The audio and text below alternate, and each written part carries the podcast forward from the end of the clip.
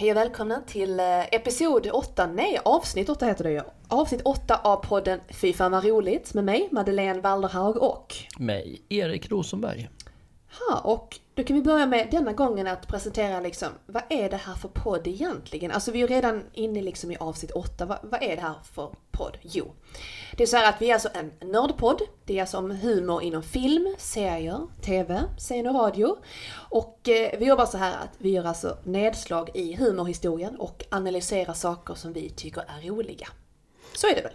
Det stämmer. Jag tycker att vi, har, alltså, vi måste tona ner det här radio. Vi har gjort alldeles för mycket... Nej, jag skojar. Nej, men tanken är väl att vi ska kunna göra radio om vi, om vi vill. Absolut, vi helgarderar oss, därför nämner vi allting. Jag tänkte att, så vi är på det klara att vi gör samma sorts podd. Du bara, va? Är det det vi gör? Sjukt, sjukt om vi efter åtta avsnitt börjar sitta så säger gör gör du den podden? Jag, jag tänker på något helt annat. Oj, hoppsan så. Ja, men jag tänker så här att ändå avsnitt åtta, men det finns ändå folk som kanske dyker upp och det är vi jätteglada för, nytillkomna lyssnare. Så jag tänker att det är ju läge att Erik, du får börja med att presentera dig själv tycker jag. Mm, ja, vad vill du alltså veta? Jag är en medelålders tvåbarnspappa som är särbo med dig. Eh, det kanske inte var Det där... var ju helt nytt för mig också. Jaha, okej. Det har vi inte definierat heller. Sjukt att det också bara slumpar sig som att vi råkar vara på samma ställe när vi ska spela in en podd då. Ja, så, hoppsan! Nu Äh, ja. Nej, jag är... ehm, Jag har hållit på och eh, spelat in, podd, spelat in och producerat poddar och programlett poddar i åtta år ungefär. I början väldigt mycket jobbrelaterat i eh, gambling, sportsbetting, trav, sådana saker. Och sen gått över på mainstream. Och gör den här tillsammans med dig för att jag tycker det är så fantastiskt kul. Eh, humor däremot är jag väldigt ny på. Jag har hållit på i ett knappt, nej ett drygt år fast med ett halvårs uppehåll. Nej, jag inser så. Jag, av, jag vet inte, det blir väldigt långdraget här men på ett år så har jag väl kanske gjort två månader stand-up ungefär. på grund av corona. Mm. Och vem är du Madeleine? Förlåt, jag kanske skulle måla tillbaka den här frågan. också. Nej, det behövs ju inte. Helt okej. Jag hade nog sagt någonting kanske ändå. Ja, men vem är jag? Oj, nu hade jag ju faktiskt chans att tänka efter, vem är jag? Ja, men vad ska man säga? Jag, eh, jag, är- jag är särbo med dig. Det är ju viktigt att vi båda är överens om det. Nej, men vad jag? Jag, jag har gjort eh, humor i olika former i eh, cirka 10 år snart faktiskt. Det. Och ehm, om vi säger så här att det här är min första podd någonsin jag gör. Och, Eh, men humor och annat, liksom stand-up och liknande har jag gjort i många år. Men jag har även gjort annat, liksom, jag frilansar inom kultur säger jag. Det är liksom sånt eh, paraply, eh, liksom, ord för att liksom allting möjligt liksom. Eh, skådespel, eh, modellmusiker och allt möjligt liksom. Det har varit en hel del humor givetvis. Stand-up, musikalsaker, lite, lite blandat så här faktiskt. Ja. Får jag kasta in en sån här personlig fråga? Vad tycker du är roligast av, av dina alltså, För du är ju bred, alltså, du, du har modellat och du har skådespelat och du är musiker och du är, du är komiker. Vad är roligast? Om du skulle få välja fritt bara, så att man inte behöver ta hänsyn till så här, hur lätt det är att få jobb och hur mycket pengar de olika grejerna ger. Alltså, var, var, var, var brinner du mest? Jag skulle nog säga skådespel, för just skådespel så kan man ju anta vilka roller som helst. Jag kan ju spela komiker där, jag kan ju spela modell där. Alltså även om man har gjort andra, alltså så kallat riktiga jobb så att säga. Men just skådespel är ju så liksom där får man verkligen chansen att gräva i sig saker och dela av sig själv och liksom hitta olika uttryck för känslor och så vidare.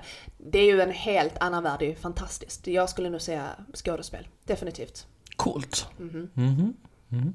Så det, Ja.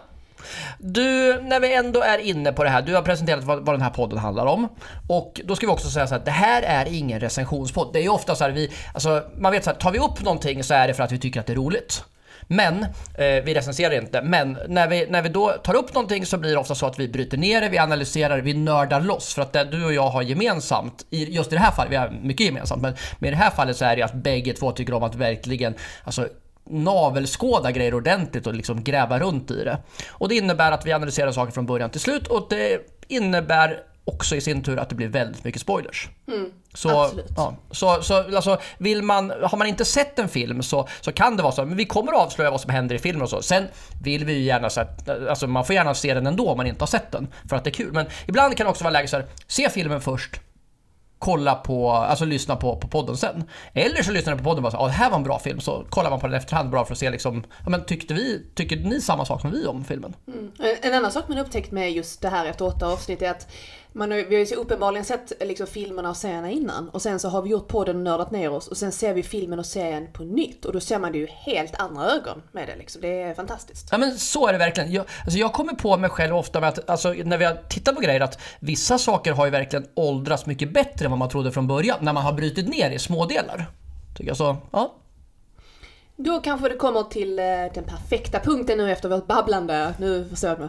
Vad, är- liksom, vad är dagens ämne? Oh, spännande. Vi kommer att prata om Moderaterna. Nej, det ska vi inte. Nej, det ska vi inte göra. Tyvärr för Kristersson. Nej, dagens ämne är den där Mary. Eller There's something about Mary. Och det är en film gjord av eh, The Farrelly Brothers. Peter och Bobby, eller Peter and Bobby Farrelly. Och de har ju även gjort bland annat eh, Mina jag och Irene, Fest för dig, Shallow Hal, Kingpin. Eh, lite olika filmer och sådär. Jag tycker att de är ojämna men, men bra när de är så riktigt bra. Alltså Kingpin tycker jag är en fantastisk film. Dum och Dummare har de gjort också som jag inte tyckte var riktigt samma, samma kvalitet på. Men ja, that's that. Eh, och vad är då den där Mary för film? Alltså, den tar avstamp i Rhode Island för ungefär 35 år sedan. Där man får se eh, två tonåringar, alltså high school-ungdomar, Ted och Mary. Och Mary är ju There's something about Mary. och vi kommer att återkomma. Men vi kan väl också säga så här, Ted är Ben Stiller och Mary är Cameron Diaz. Vi kommer att presentera dem mer senare. Ehm, och de ska gå på bal tillsammans. Eh, det är lite förvecklingar som leder till det, men de ska gå till bal tillsammans. Och det händer en väldigt märklig olycka som gör att Ted får åka till sjukhuset och det blir ingen bal och de tappar kontakten. Och ehm, Sen så hoppar man framåt till eh, 98. Varför 98? För filmen är inspelad 98 så att det är nutid då. Ted har inte kunnat släppa Mary. Han anlitar en privatdetektiv som åker till Miami och spanar på Mary. Den här privatdetektiven blir kär i Mary. Och drar då en liksom rövare för att bli av med Ted istället. Så han ska liksom bli, få henne själv då. Eh, Och eh, bara lassar på lugner för att snärja Mary i det här kärleksgarnet. Eh, och eh, han är inte ensam om det här. Det finns arkitekten Norm, det finns Marys ex-pojkvän som är den, världs, eh, alltså, den, den kända amerikanska fotbollsspelaren Brett Favre. Det är eh, hennes ex-pojkvän eh, st- och eh, stalker Woogie. Och så är det Ted såklart. Som åker ner till Mary för att leta upp, eh, le- eller till Miami för att leta upp Mary. Och det visar sig att alla har verkligen twistat sanningen och det är, liksom, det är en förväxlingskomedi det här eh, i, i högsta grad. Och i slutändan, okej, spoiler alert. Hon väljer Ted i slutändan. Happy ending. Okej, ni, ni kanske har en annan tolkning av happy ending än vad, än vad vi har. Men Inte den sorten alltså. Nej. inte den sorten, nej. så är det. Så, så det där är filmen i, i korthet. Och eh, det var ju lite så här att eh, Farrelly Brothers, de ville ju ha en, eh, en vuxenkomedi. För de hade ju inte, det hade ju inte kommit några liksom så kallade X-rated eller liksom vuxenkomedier på ett tag. Så de tyckte att det var dags liksom. Och eh, de var i sin uppväxt var de inspirerade av filmer som, eh, ja Delta-gänget, Animal House. Och sen hade de ju haft eh, succé då med Dum Dummare och sen så floppade Kingpin faktiskt. Men Kingpin har ju faktiskt fått kultstatus på senare tid. Så. Eh, och Farrellys bestämde sig då för att de skulle göra den absolut svartaste komedi som de kunde skapa. Och de eh, bröderna hade ju liksom vänner, några vänner som hette Dexter Strauss och de hade skrivit ett triangeldrama om just pojke, flicka, detektiv som inte liksom hade realiserats, hade inte blivit någonting av det. Och eh, så de bad helt enkelt då att de fick jobba vidare på den idén som Dexter Strauss hade kommit på. Eh, och så tänker man så här att det finns ju Eh, tyvärr finns ju ingen uppföljare till denna Mary. Och eh, 20th Century Fox ville ju ha en uppföljare men Ferry Bro- Brothers sa ju nej. Vö, Nu är det jag som snurrar här. Ferry Brothers sa nej. Jag sa inte det rätt heller. Ferrelly Brothers. Jag låter som dig, vad fan. Ferrelly Brothers sa Du förstår eh, Madeleine att jag inte kommer att klippa i det här. Nej, jag känner det också att det här, det här var ju fantastiskt. Jag sitter och sluddrar, men det är ju faktiskt natt.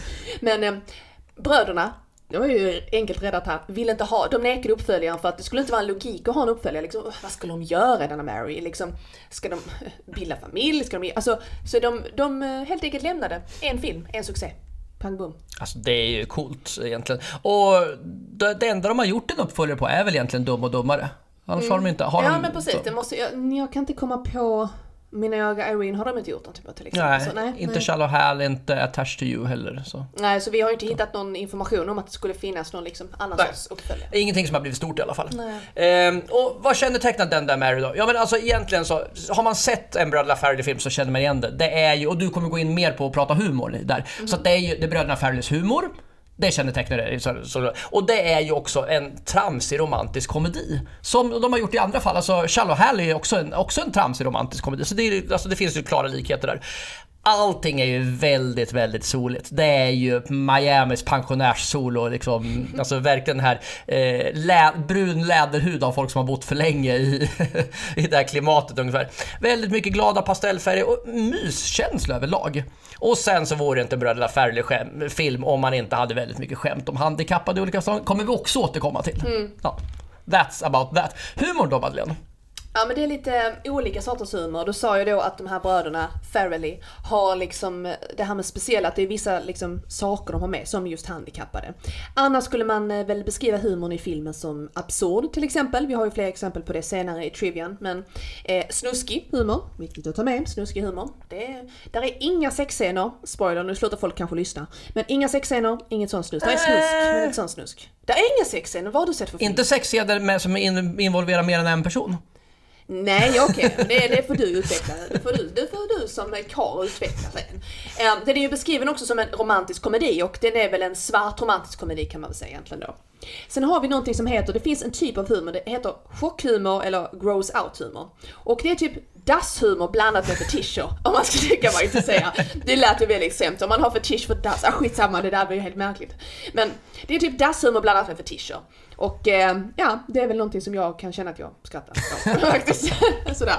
Eh, men dasshumor och fetischer, det låter nästan som en sån Stefan och Krister-buskis. Det har ju gått hem bevisligen. Det gick ju inte dåligt om vi säger så, filmen. Nej, jag tycker ändå framför mig att jag tycker Stefan och Krister ska göra liksom en revy som heter Dasshumor och fetischer. Det är liksom ett tips till dem. Nej, Jag tror inte de lyssnar, men om de skulle det. Eh, men det är väldigt vanligt i eh, amerikanska high school-filmer eh, och vanligtvis att det är liksom, om man ser liksom på TV6 så kan man se olika sorters filmer där, att de har, man, man kan se det. Tittar man efter eh, Dass of a T-shirt så kommer man att se det. Herregud. Sen är det ju en del missförståndshumor, eh, kommer vi också återkomma till exempel. Sen kommer vi till musiken och i den här filmen är det ju lite speciellt att de har Eh, alltså de har alltså Jonathan Richman från Modern Lovers som har skrivit musiken och är en person som tillsammans med sin trummis Tommy Larkins sjunger olika delar av storyn genom filmen.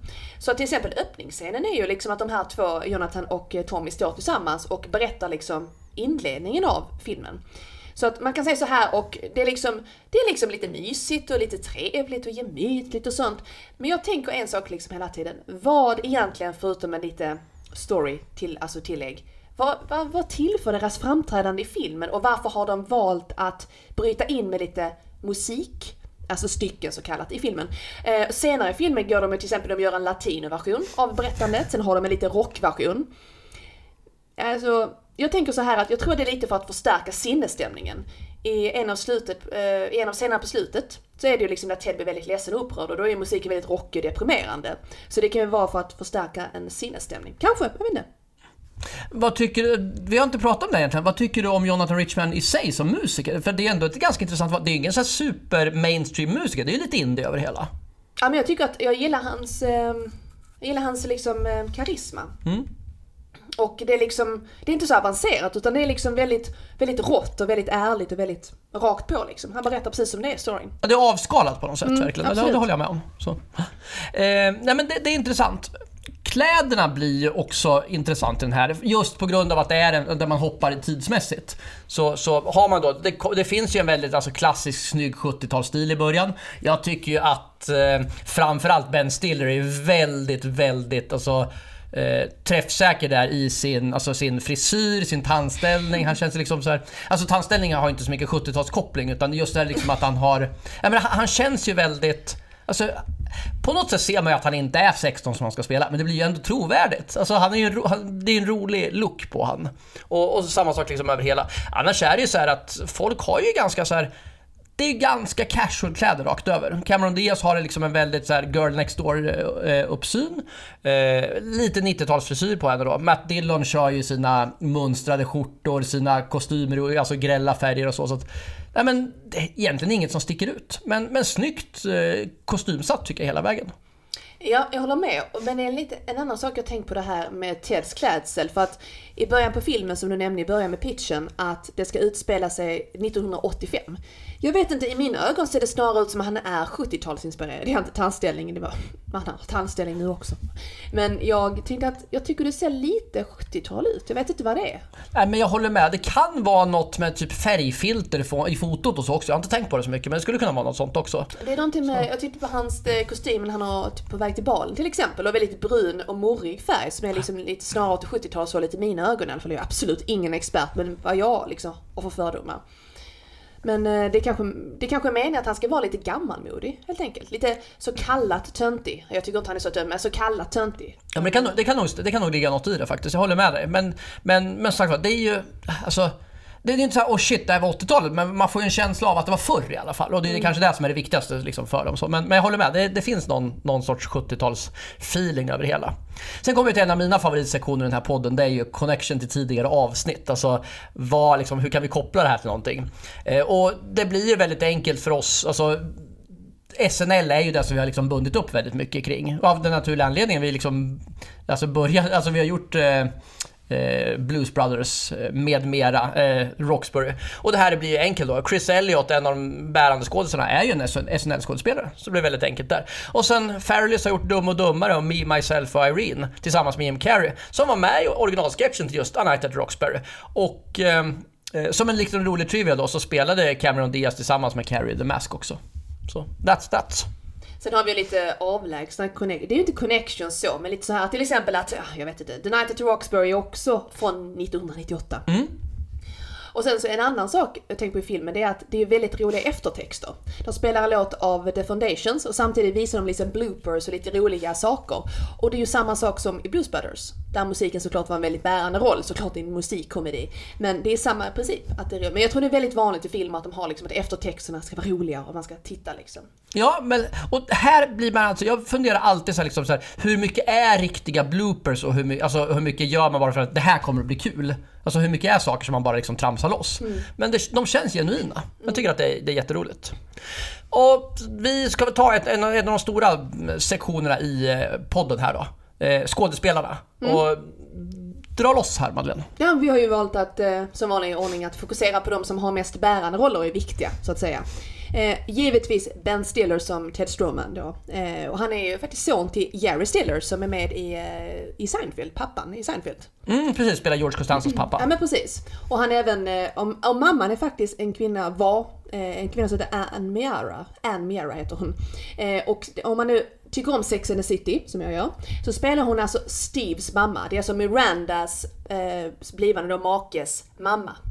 Så, det, det var faktiskt nytt för mig, jag visste faktiskt inte att det var hon. Hur som helst, eh, Ben Stiller har över 130 credits som skådis eh, enligt IMDB.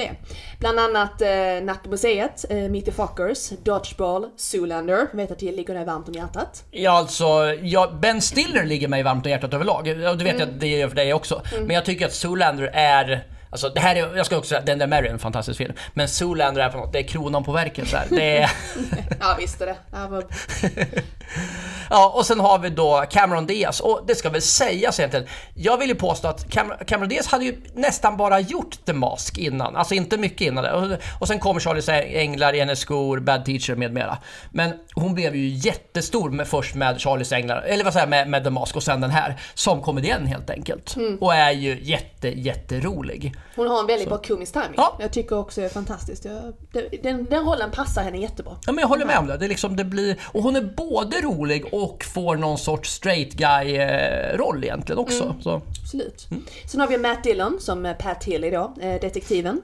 Och eh, han har varit med i en hel del Madonna-videos. Det är intressant, för vi nästan återuppta och titta på dem. Eh, you and me and Dupree har varit med i, Crash och så vidare. Han har gjort väldigt många, jag tror han har gjort väldigt många kriminalroller också. Mm. Är fortfarande aktiv också. Och första komedirollen det här va? Mm. Är det? Mm. Sen har vi Chris Elliott som vi pratade om då, SNL-skådisen, som spelar Dom, Vugan Dom Vuganovsky. Nu ska man ha tungan rätt i mun här. Det är ganska viktigt efternamnet här eftersom han då får smeknamnet Woogie och det är en förveckling där också. Ja. Det, blir, det är ju liksom en, en, twist som kommer där då. Eh, som också är med i Kingpin, eh, How I Met Your Mother, han är då pappan till Alison Hannigans eh, karaktär ja. där. Och han är även eh, eh, fotografen i eh, Måndag hela veckan, Groundhog Day, mm. med, med eh, Murray, Bill Murray. Eh, och ja, SNL-skådis som sagt var. Sen har vi Lee Evans som spelar Tucker, eller som hans riktiga namn är i filmen då, han är Norm Phipps. Och han är en brittisk komiker faktiskt och gjort eh, flera komedispecialer. Ja, och sen har vi Lin Shay som är Magda, som är eh, granne och kompis till Cameron Diaz i, i serien då. Eh, lång karriär alltså, hon har hållit på i, i 45 år, gjort massor med roller, ofta skräckfilmer. Var även med i Fairless, alltså många andra Fairless-filmer, Dum och Dummare, Kingpin, Me, Myself and Irene. Alltså en, en Fairless-skådis har hon blivit numera, eller då alltså under en lång period där så. Sen har vi alltså en av mina absoluta favoriter som jag vet att du också ligger dig också varmt om hjärtat. Eh, Earl Brown, W. Earl Brown, som spelar Warren då, eh, Cameron Diaz bror.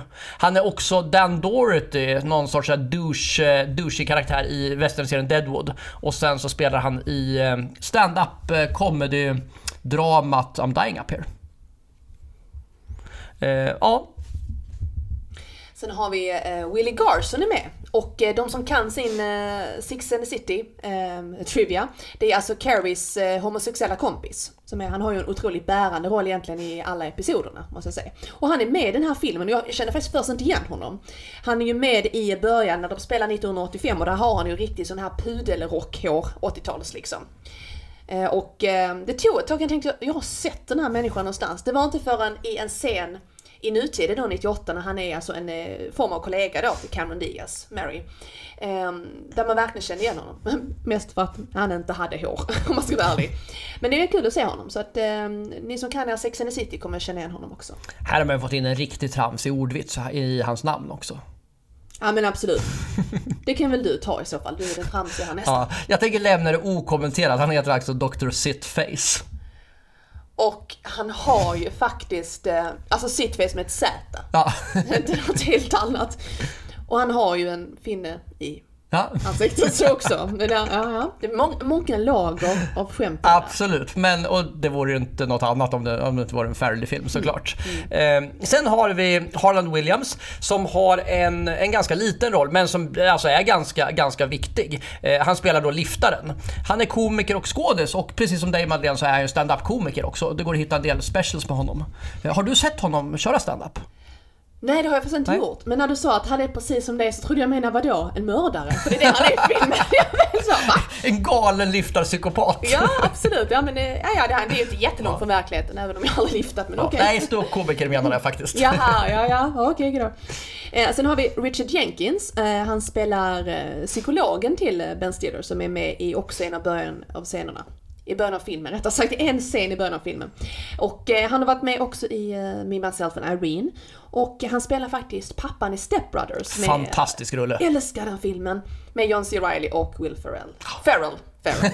Nu har vi lärt oss. ja, det har vi. ja, ja men det är faktiskt. Han är ju med i Alltså Jenkins är ju med, alltså tittar man liksom allmänt på filmer som går allmänt på TV, alltså han är ju med i jättemånga. Ja, och det, det är typiskt när skådespelare, det är ju han, så kommer man aldrig ihåg vad han heter nej, egentligen. Så, men, nej, jättebra. Och väldigt roligt här, okrediterad. Alltså han finns inte med i eftertexterna någonstans. Utan Nej. bara ja, sådär. Och sen har vi då eh, Rob Moran har en jätte, jätteliten roll i filmen. Men det är också intressant att Rob Moran är precis som Lin Shay en typisk Farrelly-skådis som dyker upp jättemånga gånger. Och det är roligt för Farrelly-bröderna använder ju samma birollskådisar. Sen byter de ut huvudrollskådisarna väldigt mycket. Det är nästan aldrig samma. Alltså Jim Carrey är en av få som faktiskt spelat i flera mm. Eh, Farrelly-filmer. Tror jag de, det känns som de tycker om att byta skådisar. Ja, och så har vi då eh, cameos. Och här har vi ju en jättekameo som är ganska intressant. Det är, vi pratade om honom då, fotbollsspelaren Brett Favre. Som spelar sig själv, alltså en, en tvättäkta cameo. Och Brett Favre var ju, och är fortfarande en av världens mest framgångsrika spelare i amerikansk fotboll. Quarterback i, quarterback, quarterback i laget Green Bay Packers. Han har alltså rekord i flest eh, raka starter i ligan och blev alltså mest värdefulla spelare tre år på raken. Och här var han ju på piken av karriären. För att alltså 95, 96, 97 mest värdefulla spelare, filmen kom 98. Så det var ju liksom i en sport som då var, eh, alltså är USAs största publiksport var han nummer ett där. Men det som är intressant med Favre är ju att han var ju bara det tredje alternativet. Alltså, de hade ju liksom... Drew, Drew Bledsoe, som en annan fotbollsspelare, sa nej. Eh, eller om han fick förhinder. Steve Young sa nej på grund av att han, av, han är kristen och tyckte så här. Ja, kanske inte riktigt min grej att ställa upp i. Så, så då blev det Brett Favre. Och han gör ju en, alltså en skön, han dyker in en kortis, är lite träig, men det funkar ju väldigt bra i den rollen. Och för vi, oss som inte är liksom amerikaner så att säga. Alltså jag hade faktiskt ingen aning om vem han var när han dök upp. Det är inte så att, alltså är man intresserad av sporten givetvis, man bara så ja, där är en annan amerikansk kille, tänkte mm. jag liksom. Det var inte förrän vi kollade upp det här som man såg liksom att, ja. Nej, sånt. och jag tror så här med amerikansk fotboll, alltså på den här tiden, 98 så här, internet var inte så jäkla utbrett. Och kabel-tv var inte alls på samma sätt som nu. Så idag så är amerikansk fotboll jättestort i Sverige också, men det var det inte på, för, liksom, för 25, nästan 25 år sedan mm. som det var så. Sant. Sen har vi lite intressant att eh, Cameron Diaz pappa är med i en statistroll. Och det är när eh, Ben Stiller eller Ted är i fängelset. Så håller man utkik där efter en man med långt grått hår, ganska kort jämfört med de andra. Eh, långt grått hår, lite mörka ögonbryn, buskiga ögonbryn. Så håll utkik i de fängelsescenerna. Orange overall och långt grått hår så är han med. Och bröderna Farrelly har även med sin granne Warren i statistrollen. De är även med Bobby Farrellys eh, fru i en statistroll. Och även Farrellys föräldrar är med. Så de är liksom, är det ju ett rent släktkalas egentligen de har med. Det var ju billigt liksom att ta med hela släkten. Och det intressanta med Warren, eh, det finns ju någonting som, som är väldigt speciellt med honom. Alltså med grannen om jag har förstått saken rätt, nu får du rätta om jag har fel här. Men han har en, alltså en, en alltså han spelar en, en person med utvecklingsstörning och han har en utvecklingsstörning. Mm. Alltså grannen här. Ja. Det stämmer, eller hur? Ja. ja. Eh, kända skådisar då Madeleine? Det finns ju, det är inte bara Brett Favre som dyker upp här och de andra som vi har pratat om. Nej, det har vi. Vi har ju Sarah Silverman som är ju en av eh, säga, jordens mest kända komiker. Det läser man i 14 år års skolarbete. Men hon är, då, men så här är hon är ju en av de mest kända kvinnliga komikerna. Det måste man ändå säga. Och hon är ju även med i filmer som School of Rock till exempel, om man kanske har missat det med Jack Black. Men här gör hon eh, rollen som Brenda och det är Marys liksom lite sarkastiska kompis som är med i det här tjejgänget. Och eh, hon är ju inte med i jättemånga scener egentligen men man ser ju att det är hon direkt, man känner igen hennes lite nasala röst direkt liksom. Det är kul att se bara, åh, Sarah Silverman. Och hon, hon har ju typ inte åldrats, hon ser likadan ut. Det är på tal om åldras med värdighet liksom. Ja men det är coolt faktiskt. Mm. Riktigt, riktigt häftigt. Sen har vi ju lite blandade, vi, vi tycker om det här att nörda ner oss. Så nu kommer ju det här segmentet där vi är liksom trivia, exempel från filmerna och lite omtalade scener då. Och vad, scenen som vi ska öppna då är det här segmentet med. Det är ju den klassiska hårgeléfilmen då. Vi sitter då och skrattar lite nervösa här. Så ja, nu blir det snuskigt, nu blir det åka upp. Nej. Nej, men det är ju liksom den här scenen. Eh, och eh, för er som har sett filmen så vet vi precis vad det handlar om. Att, eh, det kommer jag inte gå in på. Men det, grejen var, precis. Men grejen var så här att den här scenen klipptes nästan bort. För att bröderna Farrelly var rädda att det här skämtet var för grovt liksom. Eh, och då egentligen också var det ju mest Cameron själv som var rädd att scenen skulle vara lite för äcklig och lite förstöra hennes karriär när det precis liksom hade precis tagit fart. Men de gjorde ett screentest och det visade sig att testpubliken, eh, alltså de uppskattade, verkl uppskattade verkligen den här scenen. För att de hade en version där det var typ en annan liksom lite snällare grej. Och sen hade de den här versionen som är med i filmen med sperman i håret och det var ju den som publiken skrattade mest åt. Så det blev den helt enkelt. Och det är ju ärligt talat en av, liksom, om man tänker på den, den där Mary. Man ser framför sig Cameron med det håret rakt upp sådär. Det är liksom det lite man förknippar filmen med. Det är lite absurda gross out humorn så kallat egentligen. Ja, men jag håller med. Det är en, det är en, alltså, det är en ikonisk, alltså en av så här, humorhistoriens stora ikoniska scener. Mm, absolut. Så. Och det finns ju eh, alltså, en scen till i filmen som är så, alltså det finns jättemycket bra, roliga skämt. Men det finns egentligen en, en till scen. och som är som är, du var inne på det här, gross out. Mm. Och mer gross out blir det, alltså det här. Ehm, och eh, det är ju, eh, jag ska vara lite explicit här. Ben Stiller är på toaletten eh, när, i samband med att han ska bjuda ut Mary på bal. Och han får lite panik och ska dra upp blixtlåset och fastnar alltså med sina ädlare delar i blixtlåset. Eh, Alltså han klämmer både snoppen och pungen i blixtlåset. Så jag skrattar åt det, det kan ju inte vara så roligt. Ja men det är, det är jätte, jätteroligt. Don't try that at home. Och de har ju gjort, alltså, de har gjort det där väldigt, väldigt grafiskt. Alltså det är det som gör att de drar det hela vägen. Man tror ju i scenerna så här, vi kommer inte få se hela grejen. Men man får ju liksom, de visar ju liksom upp eh, slutresultatet här också. Och enligt Bobby Farrelly själv så är det här baserat på en verklig händelse. Som egentligen alltså, en av deras systers kompisar gick på toaletten och fastnade. Och alltså Farrellys pappa som är läkare fick då gå in och kolla vad som hade hänt där. Så, så det, det är tydligen baserat på en helt sann historia. Ehm, vi pratade om, om Warren som är hennes, eh, eller hennes då, Cameron Diaz brorsa. Skulle egentligen ha, ha spelats av den, den väldigt kända komikern Chris Farley. Men de valde till slut att inte, att ge inte igen till Farley, för de var rädda att, att Farley skulle liksom dra det för långt, alltså överspela det, och att det skulle bli en karikatyr av, av en utvecklingsstörning. Eh, och det var väl det som var grejen. Eh, och istället då så, så gav man det till, eh, till W.R. Brown, som gör ju alltså en mästerlig roll. Han är ju väldigt alltså, gripande och trovärdig, även fast han är rolig. Mm, jag tycker också det. Det är väldigt bra och ödmjukt porträtt så att säga, utan att vara överspelad eller som du sa, alltså det blev ju ingen karikatyr. Eh, I alla fall i mina ögon. Alltså jag tycker att det var väldigt, jag tyckte det var liksom väldigt ödmjukt och bra gjort. Ja, men jag tycker också, det är liksom, Han är ju en duktig skådis. Otroligt. Otroligt duktig och jag håller med dig. Det är liksom, det är, man, man driver inte. Alltså de gör ju skämt som baseras på att han liksom är, eh, liksom, eh, har en utvecklingsstörning. Men som själv, så, alltså själva karaktären är ju liksom väldigt alltså, trovärdig och bra och liksom, man känner ju med honom. Alltså han är ju likeable också. Och den här Warren som vi pratade om, som är alltså inte Warren i filmen utan, utan grannen Warren då, eh, var ju då en, en äldre bror till, till en barndomsvän till, till Farrellys. Och, eh, och som de, liksom, de gör det här som en hyllning, det är därför han heter Warren också. Så, så man har både modellerat, alltså tagit namnet och modellerat honom lite efter den här Warren då. Så. Så ja men väldigt, väldigt fint. Och där, alltså jag älskar, jag måste ju faktiskt säga så här, man, när man vet att det är han, man, man smälter ju när han kommer fram och ger eh, Cameron Diaz en puss på kinden där i... Ja, han är ju med liksom i filmen. Ja. Alltså då, det är ju jättekul att han faktiskt fick en roll också. Så det är bara, bara både liksom eh, som porträtt av honom att han är med själv liksom. Fast han heter Freddy heter hans roll egentligen. Mm. Så det kan man hålla utkik efter. Jätteroligt att se. Jättefin. Och sen eh, Madeleine så är det ju, alltså Earl Brown, alltså den Warren i filmen då, har ju gjort en väldigt rolig grej på IMDB. Kan inte du berätta om vad. Ja men det är ju lite det här att eh, man får ju skriva sin egen, man kan skriva sin egen liksom, självbiografi på IMDB och det är precis det han har gjort. Och han har ju väldigt, han har en väldigt rolig början på sin eh, där biografi här, som han har själv skrivit.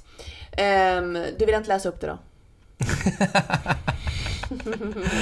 Eh, jag kan väl göra det bara för att vi bjuder på min engelska. Ja. As a rule, W. Earl Brown does not usually speak of himself in the third person. However, the Internet Movie Database will not accept biographical information written in the first person. Therefore, W. Earl Brown was born bla bla bla. Lite häftigt att sätta sig själv i tredje person bara för att liksom passa in. Fick jag okej på engelskan?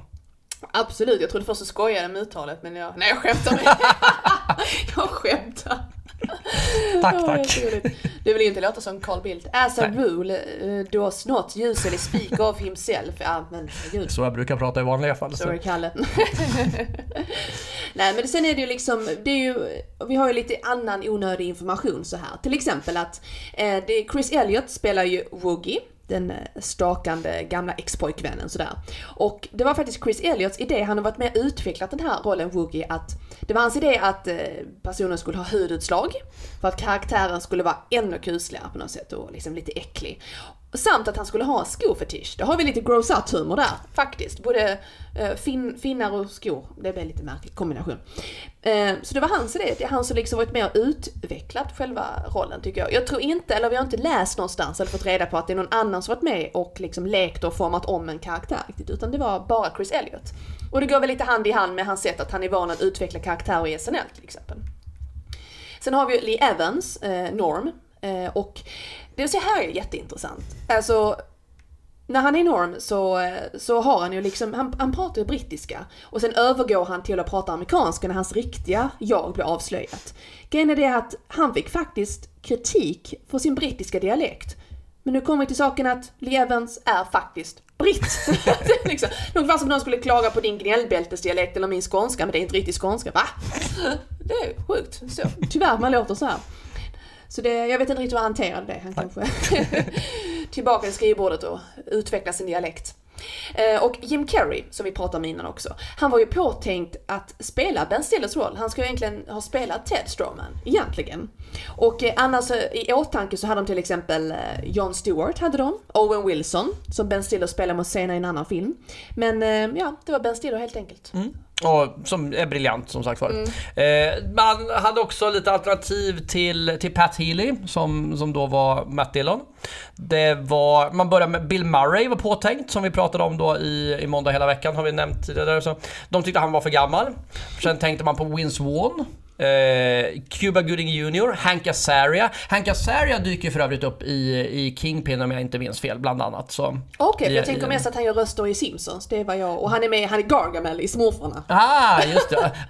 Men, men jag tar för mig att det är Kingpin. Jag kan också, nu ska jag faktiskt säga så här, jag har inte kollat upp det. Det kan också vara Big Lebowski, en annan film med bowling-tema här. Så, så någon lyssnare får gärna påpeka för mig om, om det är Hank Azaria, om det är Kingpin eller Big Lebowski.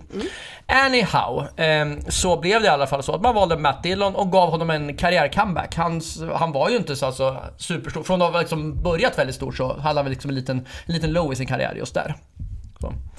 Eh, och rolig trivia apropå Matt Dillon. Han dejtade ju Cameron Diaz under åren 96 till 98, så under filmen här, men det tog ju slut väldigt kort därefter.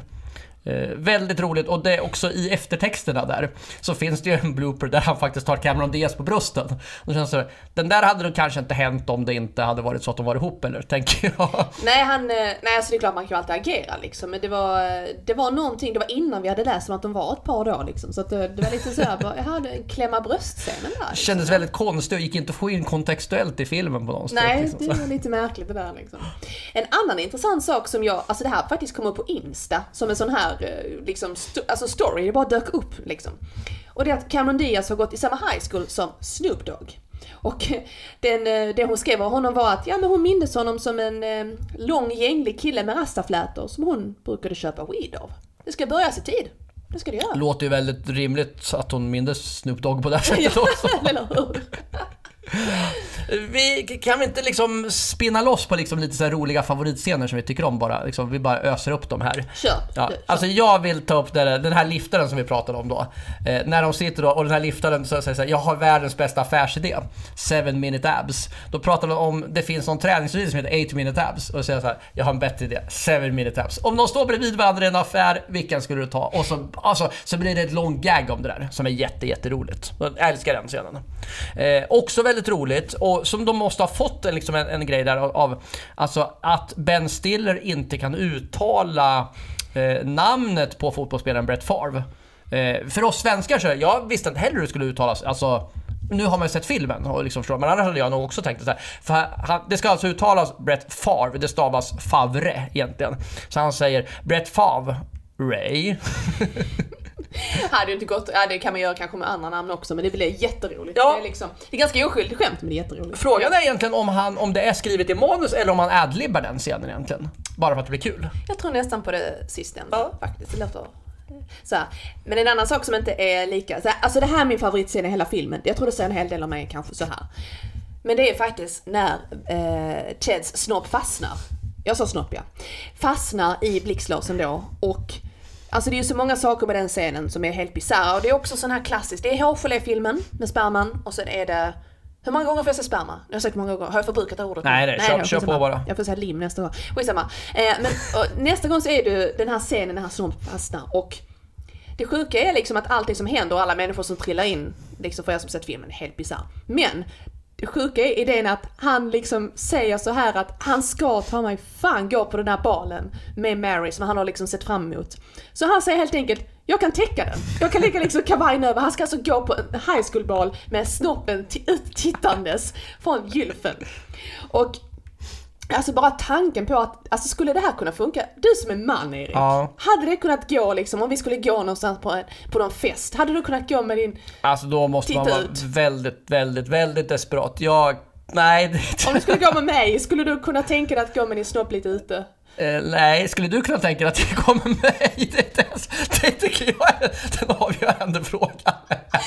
Alltså svaret är ja och det är mest för att jag är helt galen och sjuk i huvudet. Jag tyckte det var ett otroligt roligt partytrick bara. Lyft på Eriks kavaj och titta, titta ut hade jag sagt liksom. Jag har hängt ut det rejält. Ja. Alltså det här är inte någonting som har hänt. Nej. Men, men på någon annan tillställning så kan ni gissa att det här blir ett partytrick. Eh, och då ska jag rädda det här från när du undrar hur många gånger du kunde säga sperma och komma undan med det. Så jag tänker nu eh, säga hetsrunka. Åh gud! Nu! Alltså, jag nej, kan inte alltså- vänta lite. Nej, Ben Stiller eh, har ju en scen då, apropå den här som du pratade om med, med eh, just sperman i håret. Har ju kommit fram till att hans kompis då, som är ju då eh, Dom Boganovsky, som man inte vet är då Marys, ah, lång historia i alla fall. Men de säger såhär, du kan ju inte gå på en dejt med laddad pistol i brallorna. Alltså du får lösa det på något sätt. I Malmö gör man ju det. Literally. ja, eller hur? Men i alla fall så, han går in där och ska liksom lätta på trycket. Det är vad som händer. Och står där till någon så här underklädsmodells eh, tidning.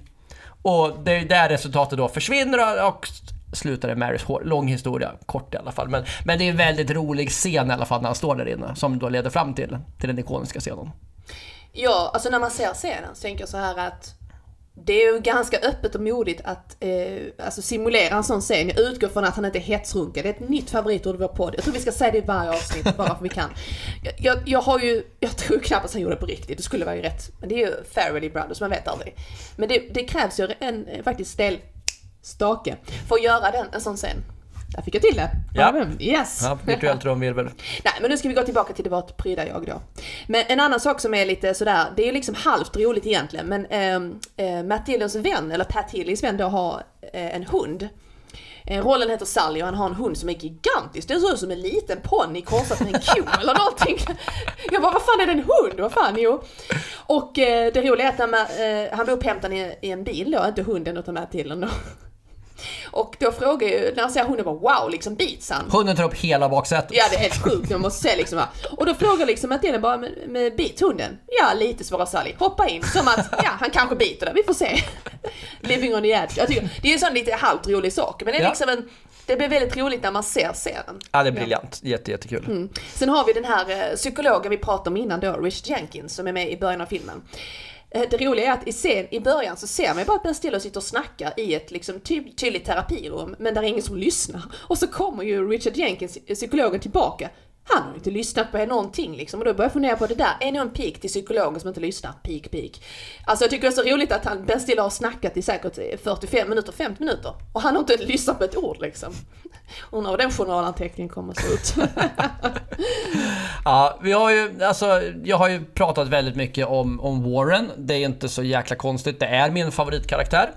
Eh, det finns en väldigt rolig scen då när, när han ska, då ska gå. Han har ju precis blivit kär i, eller träffat den här Mary och ska gå hem tillsammans med Mary och Warren. Och så säger Warren då piggyback, då vi ska rida.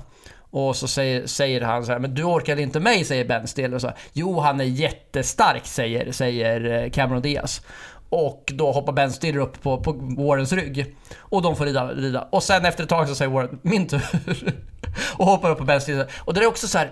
Alltså, det är ju tramsigt men roligt. Och där, där gör man ju liksom, alltså, du kommer gå in mer på det här senare men det är ju ett väldigt roligt skämt av det där med liksom att Warren är ett barn.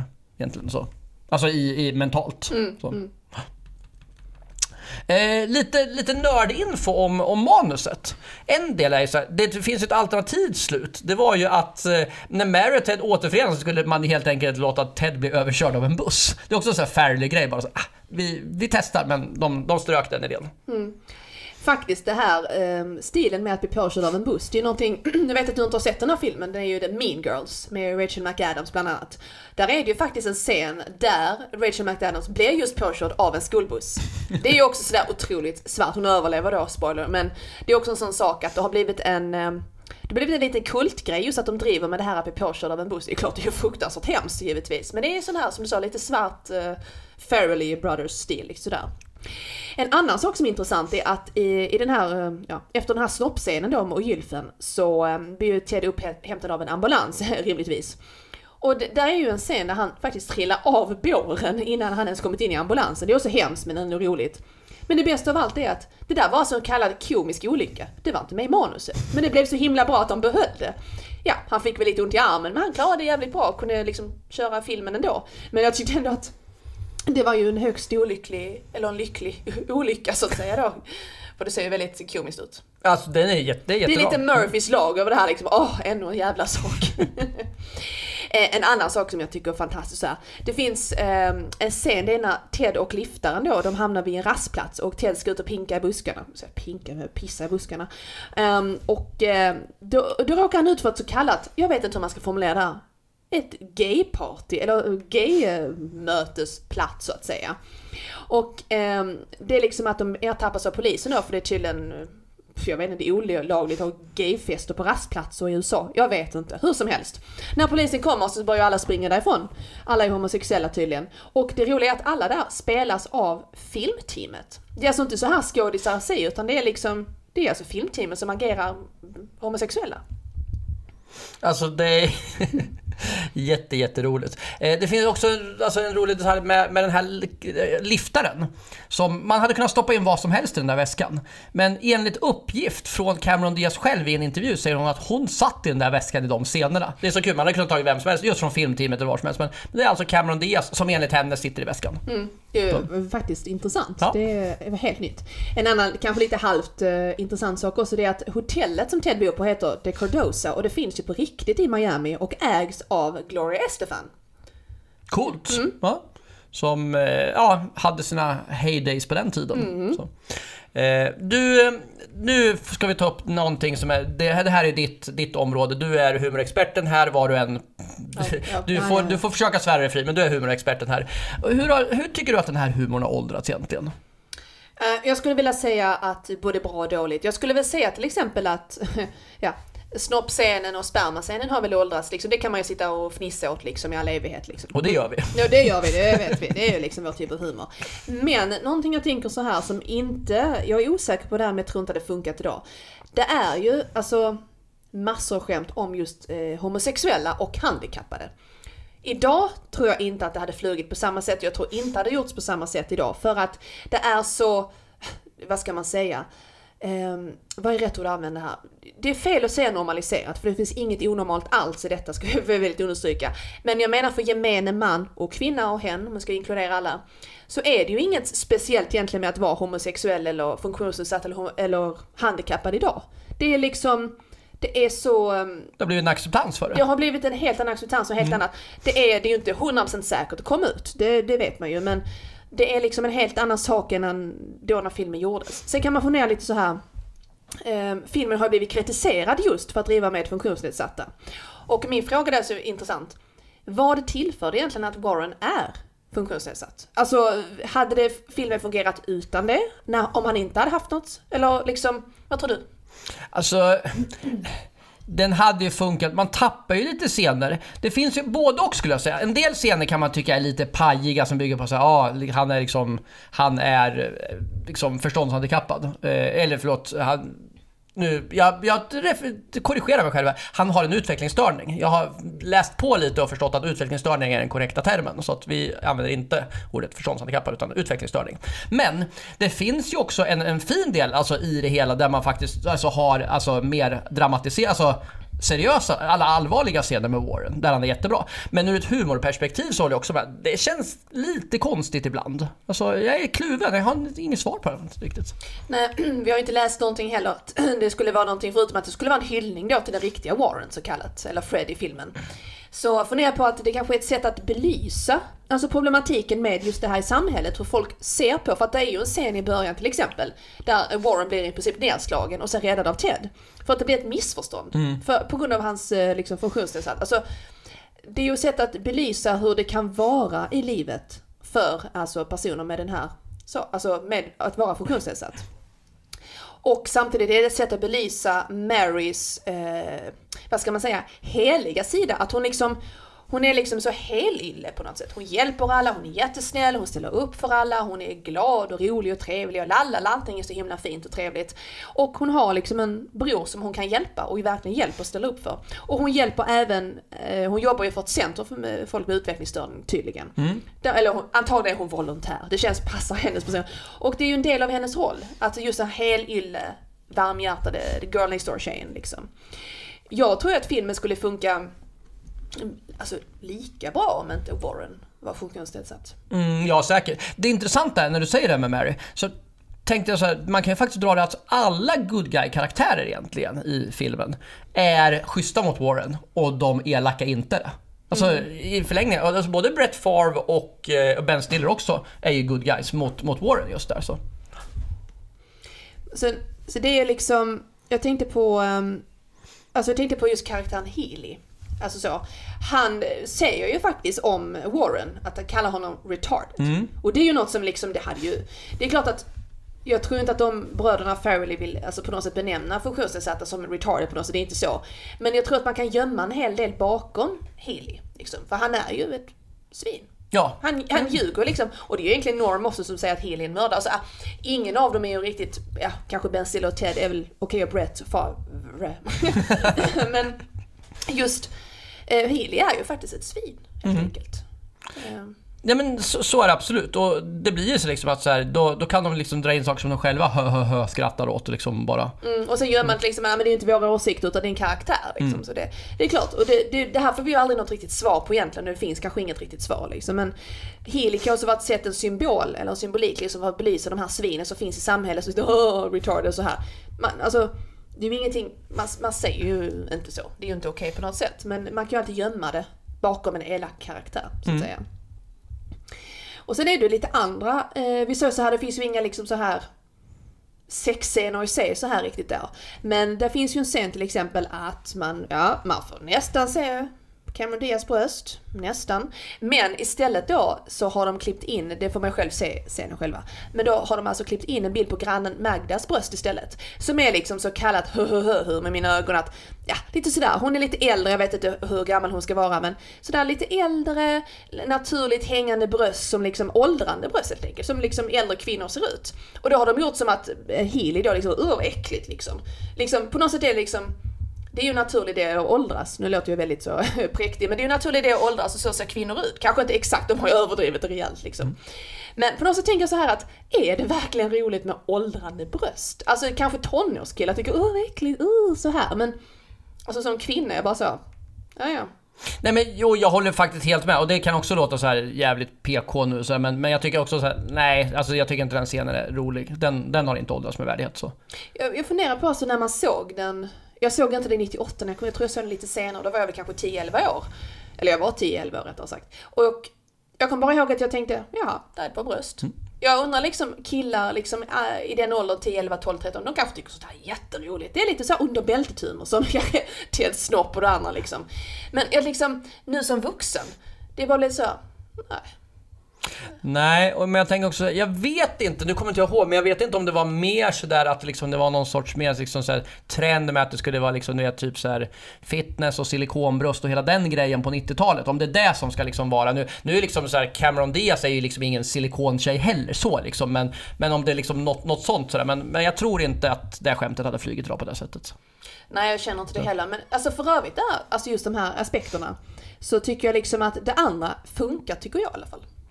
Men jag håller med. Jag tycker att filmen, alltså väldigt mycket på det stora hela håller, alltså väldigt, väldigt bra. Alltså nästan 25 år på nacken. Och är ju, alltså det är ju en av de mest, alltså, mest klassiska 90-talskomedierna som, som gjordes. Och som fortfarande står sig med det som görs idag. Mm, jag, tror- jag tror liksom, är det inte lite klassat som att det är en film som man typ ska ha sett? Lite så här en klassiker. Det är det väl egentligen? Jo men det tycker jag, det tycker jag absolut. Alltså, sk- skulle man ta ut liksom 10 komedier som alla ska ha sett så vill jag nog påstå att den där Mary, och det är väl den, alltså ska man ha sett en Ben Stiller-film så, så är det nog den faktiskt. Nej men jag tror också det att det är liksom, ett sätt var det ju till exempel för att sätta Cameron Diaz på humorkartan. Förutom, alltså jag, jag, jag tror det i alla fall. Charlie's Angels är hon ju också väldigt eh, humoristisk och rolig. Det är liksom också så skrattfylld film egentligen. Men jag tror att den här var ju liksom, och den gick ju väldigt bra också. Det är ju en väldigt, eh, och drog in massor liksom pengar, den här filmen. Och faktiskt, för ovanlighetens skull, en film som både älskades av tittare och recensenter. Mm, ja absolut, för det brukar vi annars påpeka här liksom att vi, eh, det liksom brukar vara en, det ena och det andra. Night at Roxbury var väl så, det var väl att eh, kritikerna hatade den, publiken älskade den. Ja, exakt. Alltså den blev ju slaktad totalt. Men, men den här- det här är en, en, en, en kriti, som det brukar heta, kritikerrosad film. Mm. Det där var klassiskt så PK det här lät. Nej men jag tycker det är um, viktigt ändå att kunna se just olika aspekter av det. Eh, liksom, även om det är en komedi och sånt så är det, ligger det alltid något allvarligare och något moral bakom det hela. Som det här med Warren till exempel. Ja, och jag tycker faktiskt, alltså i jämförelse med, när vi, när vi jämförde med till exempel, vi har tagit upp både Kingpin och eh, den där Mary, så har ju den här väldigt mycket mer dramatisering. Den är mycket mer välspelad tycker jag, den är, den är seriösare. Det finns ju väldigt mycket, alltså Alltså jag tror den här filmen skulle alltså, funka med mindre komediinslag också. Alltså i en dramatisering med själva den storyn. Mm, absolut. Så. Och jag tror det hade faktiskt funkat till och med med en uppföljare. Man vet, alltså, man ska ju aldrig säga aldrig. Man vet ju inte, man kan ju ta så här, den är Mary hundratusen år senare liksom. Absolut. År 2028 får de göra en, eh, liksom så här, mm. Nej men vad ska man säga egentligen, summera det här. Jag tycker att eh, nu, det är ju ingen recensenspodd egentligen, men jag tycker liksom den är ju väldigt, väldigt sevärd och det är ju därför vi har valt den just att prata om. För att vi tycker den är otroligt rolig. Absolut, jag ger den fem pungar i blixtlåset. Fem pungar i blixtlåset. Så ja, med det Madeleine så tänkte jag att vi ska börja runda av lite. Tänkte jag i alla fall. Jag vet inte om du är Du ska med på... alltså gå hetsrunken nu eller? det ska vi inte klippa bort. Nej, okej då. Nej. Eh, nej, jag tänkte du skulle berätta vad, om man, vill, om man vill fortsätta hänga med oss, vart hittar man oss då? Vi tänker inte att man åker hem och ringer på. Nej, jag tror det skulle vara lite märkligt, speciellt i de här covid-19-tiderna fortfarande då. Eh, men vi finns ju på alla möjliga sociala medier, till exempel Insta. Eh, där heter vi Fy fan vad roligt, surprise. Facebook, där har vi Facebook-sidan Fy fan vad roligt. Och vi har en Facebookgrupp som heter Fy fan vad roligt diskussionsrummet. Där man kan prata om eh, avsnitten, man kan prata om humor allmänt, man kan tipsa varandra, YouTube-klipp. Vi lägger upp lite sådana här eh, saker som inte vi kan visa i en podd av förklarliga skäl. Liksom Youtube-klipp och lite annan trivia. Om man vill veta, det är jättemysigt. Man ska ansöka men vi bekräftar er. Det är bara att söka. Eh, sen har vi ju Clubhouse. Clubhouse har ju blivit väldigt märkligt på sistone. Det är ju väldigt kontroversiella saker som händer. Vi ska inte prata om politik. Det har ballat ur med rätt ordsbemärkelse. Men vi kommer fortfarande ha diskussionsrum på Clubhouse. Så har man en iPhone så är man varmt välkommen att deltaga. Har man en Android så får man köpa en iPhone och vara med i deras skämtsidor. Eh, vill man ha en invite till Clubhouse så sitter vi på massor med invites fortfarande.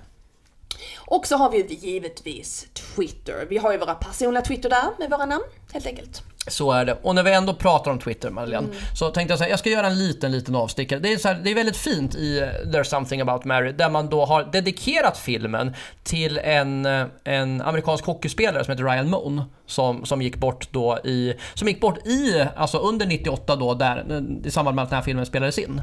Och därför skulle jag faktiskt vilja dedikera det här avsnittet till en vän till oss. Apropå Twitter. Absolut. Vi, vi vill båda dedikera det här avsnittet till eh, för er som hänger på Twitter och hör oss här. Eh, det fanns en väldigt, väldigt, väldigt varm och sympatisk eh, person som hette Roffe Andersson. Han eh, har pratat med väldigt många där och eh, ser man honom så känner man till honom helt enkelt. Han eh, eh, lämnade oss tyvärr för ett tag sedan och det gjorde ju alla väldigt bestörta och otroligt, otroligt ledsna. Han är otroligt saknad. Alltså Roffe var en fantastisk otrolig person. Han var den mest, mest empatiska, snälla, omtänksamma twittraren liksom som fanns, alltså som man kunde samtala med. Han var alltid där och stöttade oavsett vad man twittrade om, han var likes, han gav komplimanger till alla. Han var liksom som en vän hela tiden för alla människor. Han stöttade folk liksom i hälsoskäl när man skrev någonting man mådde dåligt och behövde hjälp med något. Han var där alltid. Han var alltså till en otrolig glädje, en riktig, alltså för att vara en kliché, men solstråle. Mm. Jättefint. Jag har verkligen inget att tillägga. Jag tycker du sammanfattade väldigt bra om Roffe. Mm, han, är, han är väldigt, väldigt saknad. Mm. Det håller jag med om. Mm. vi ska avsluta i en något ljusare tonart. Mm. Eh, våra pattar tänkte jag säga. Ja. Patreon. Ja, vi kallar det pattar. Jag tror ja, det heter rätt. Precis. Vi, vi drog igång Patreon för, för podden för inte så länge sedan. Eh, och i synnerhet så vill vi tacka våra första Patrons, Kent och Linda. Mm, tack Kent och Linda. för att ni ledde vägen här. Mm. och Patreon, vad är det för något Madeleine? Ja, det är där vi lägger upp våra filmer. Det är inte sådana filmer, okej. Okay. Inte sådana happy ending-filmer. Men vi lägger upp eh, lite annat exklusiva material. Behind the scenes-saker. Vi lägger upp till exempel, man får faktiskt avsnittet först, mm -hmm. egentligen. Det kommer mm. upp först på Patreon. Eh, man får se bilder från inspelningen, filmer från inspelningen, man får, eh, ja helt enkelt olika bonusavsnitt har vi lagt upp flera stycken. Mm. mm.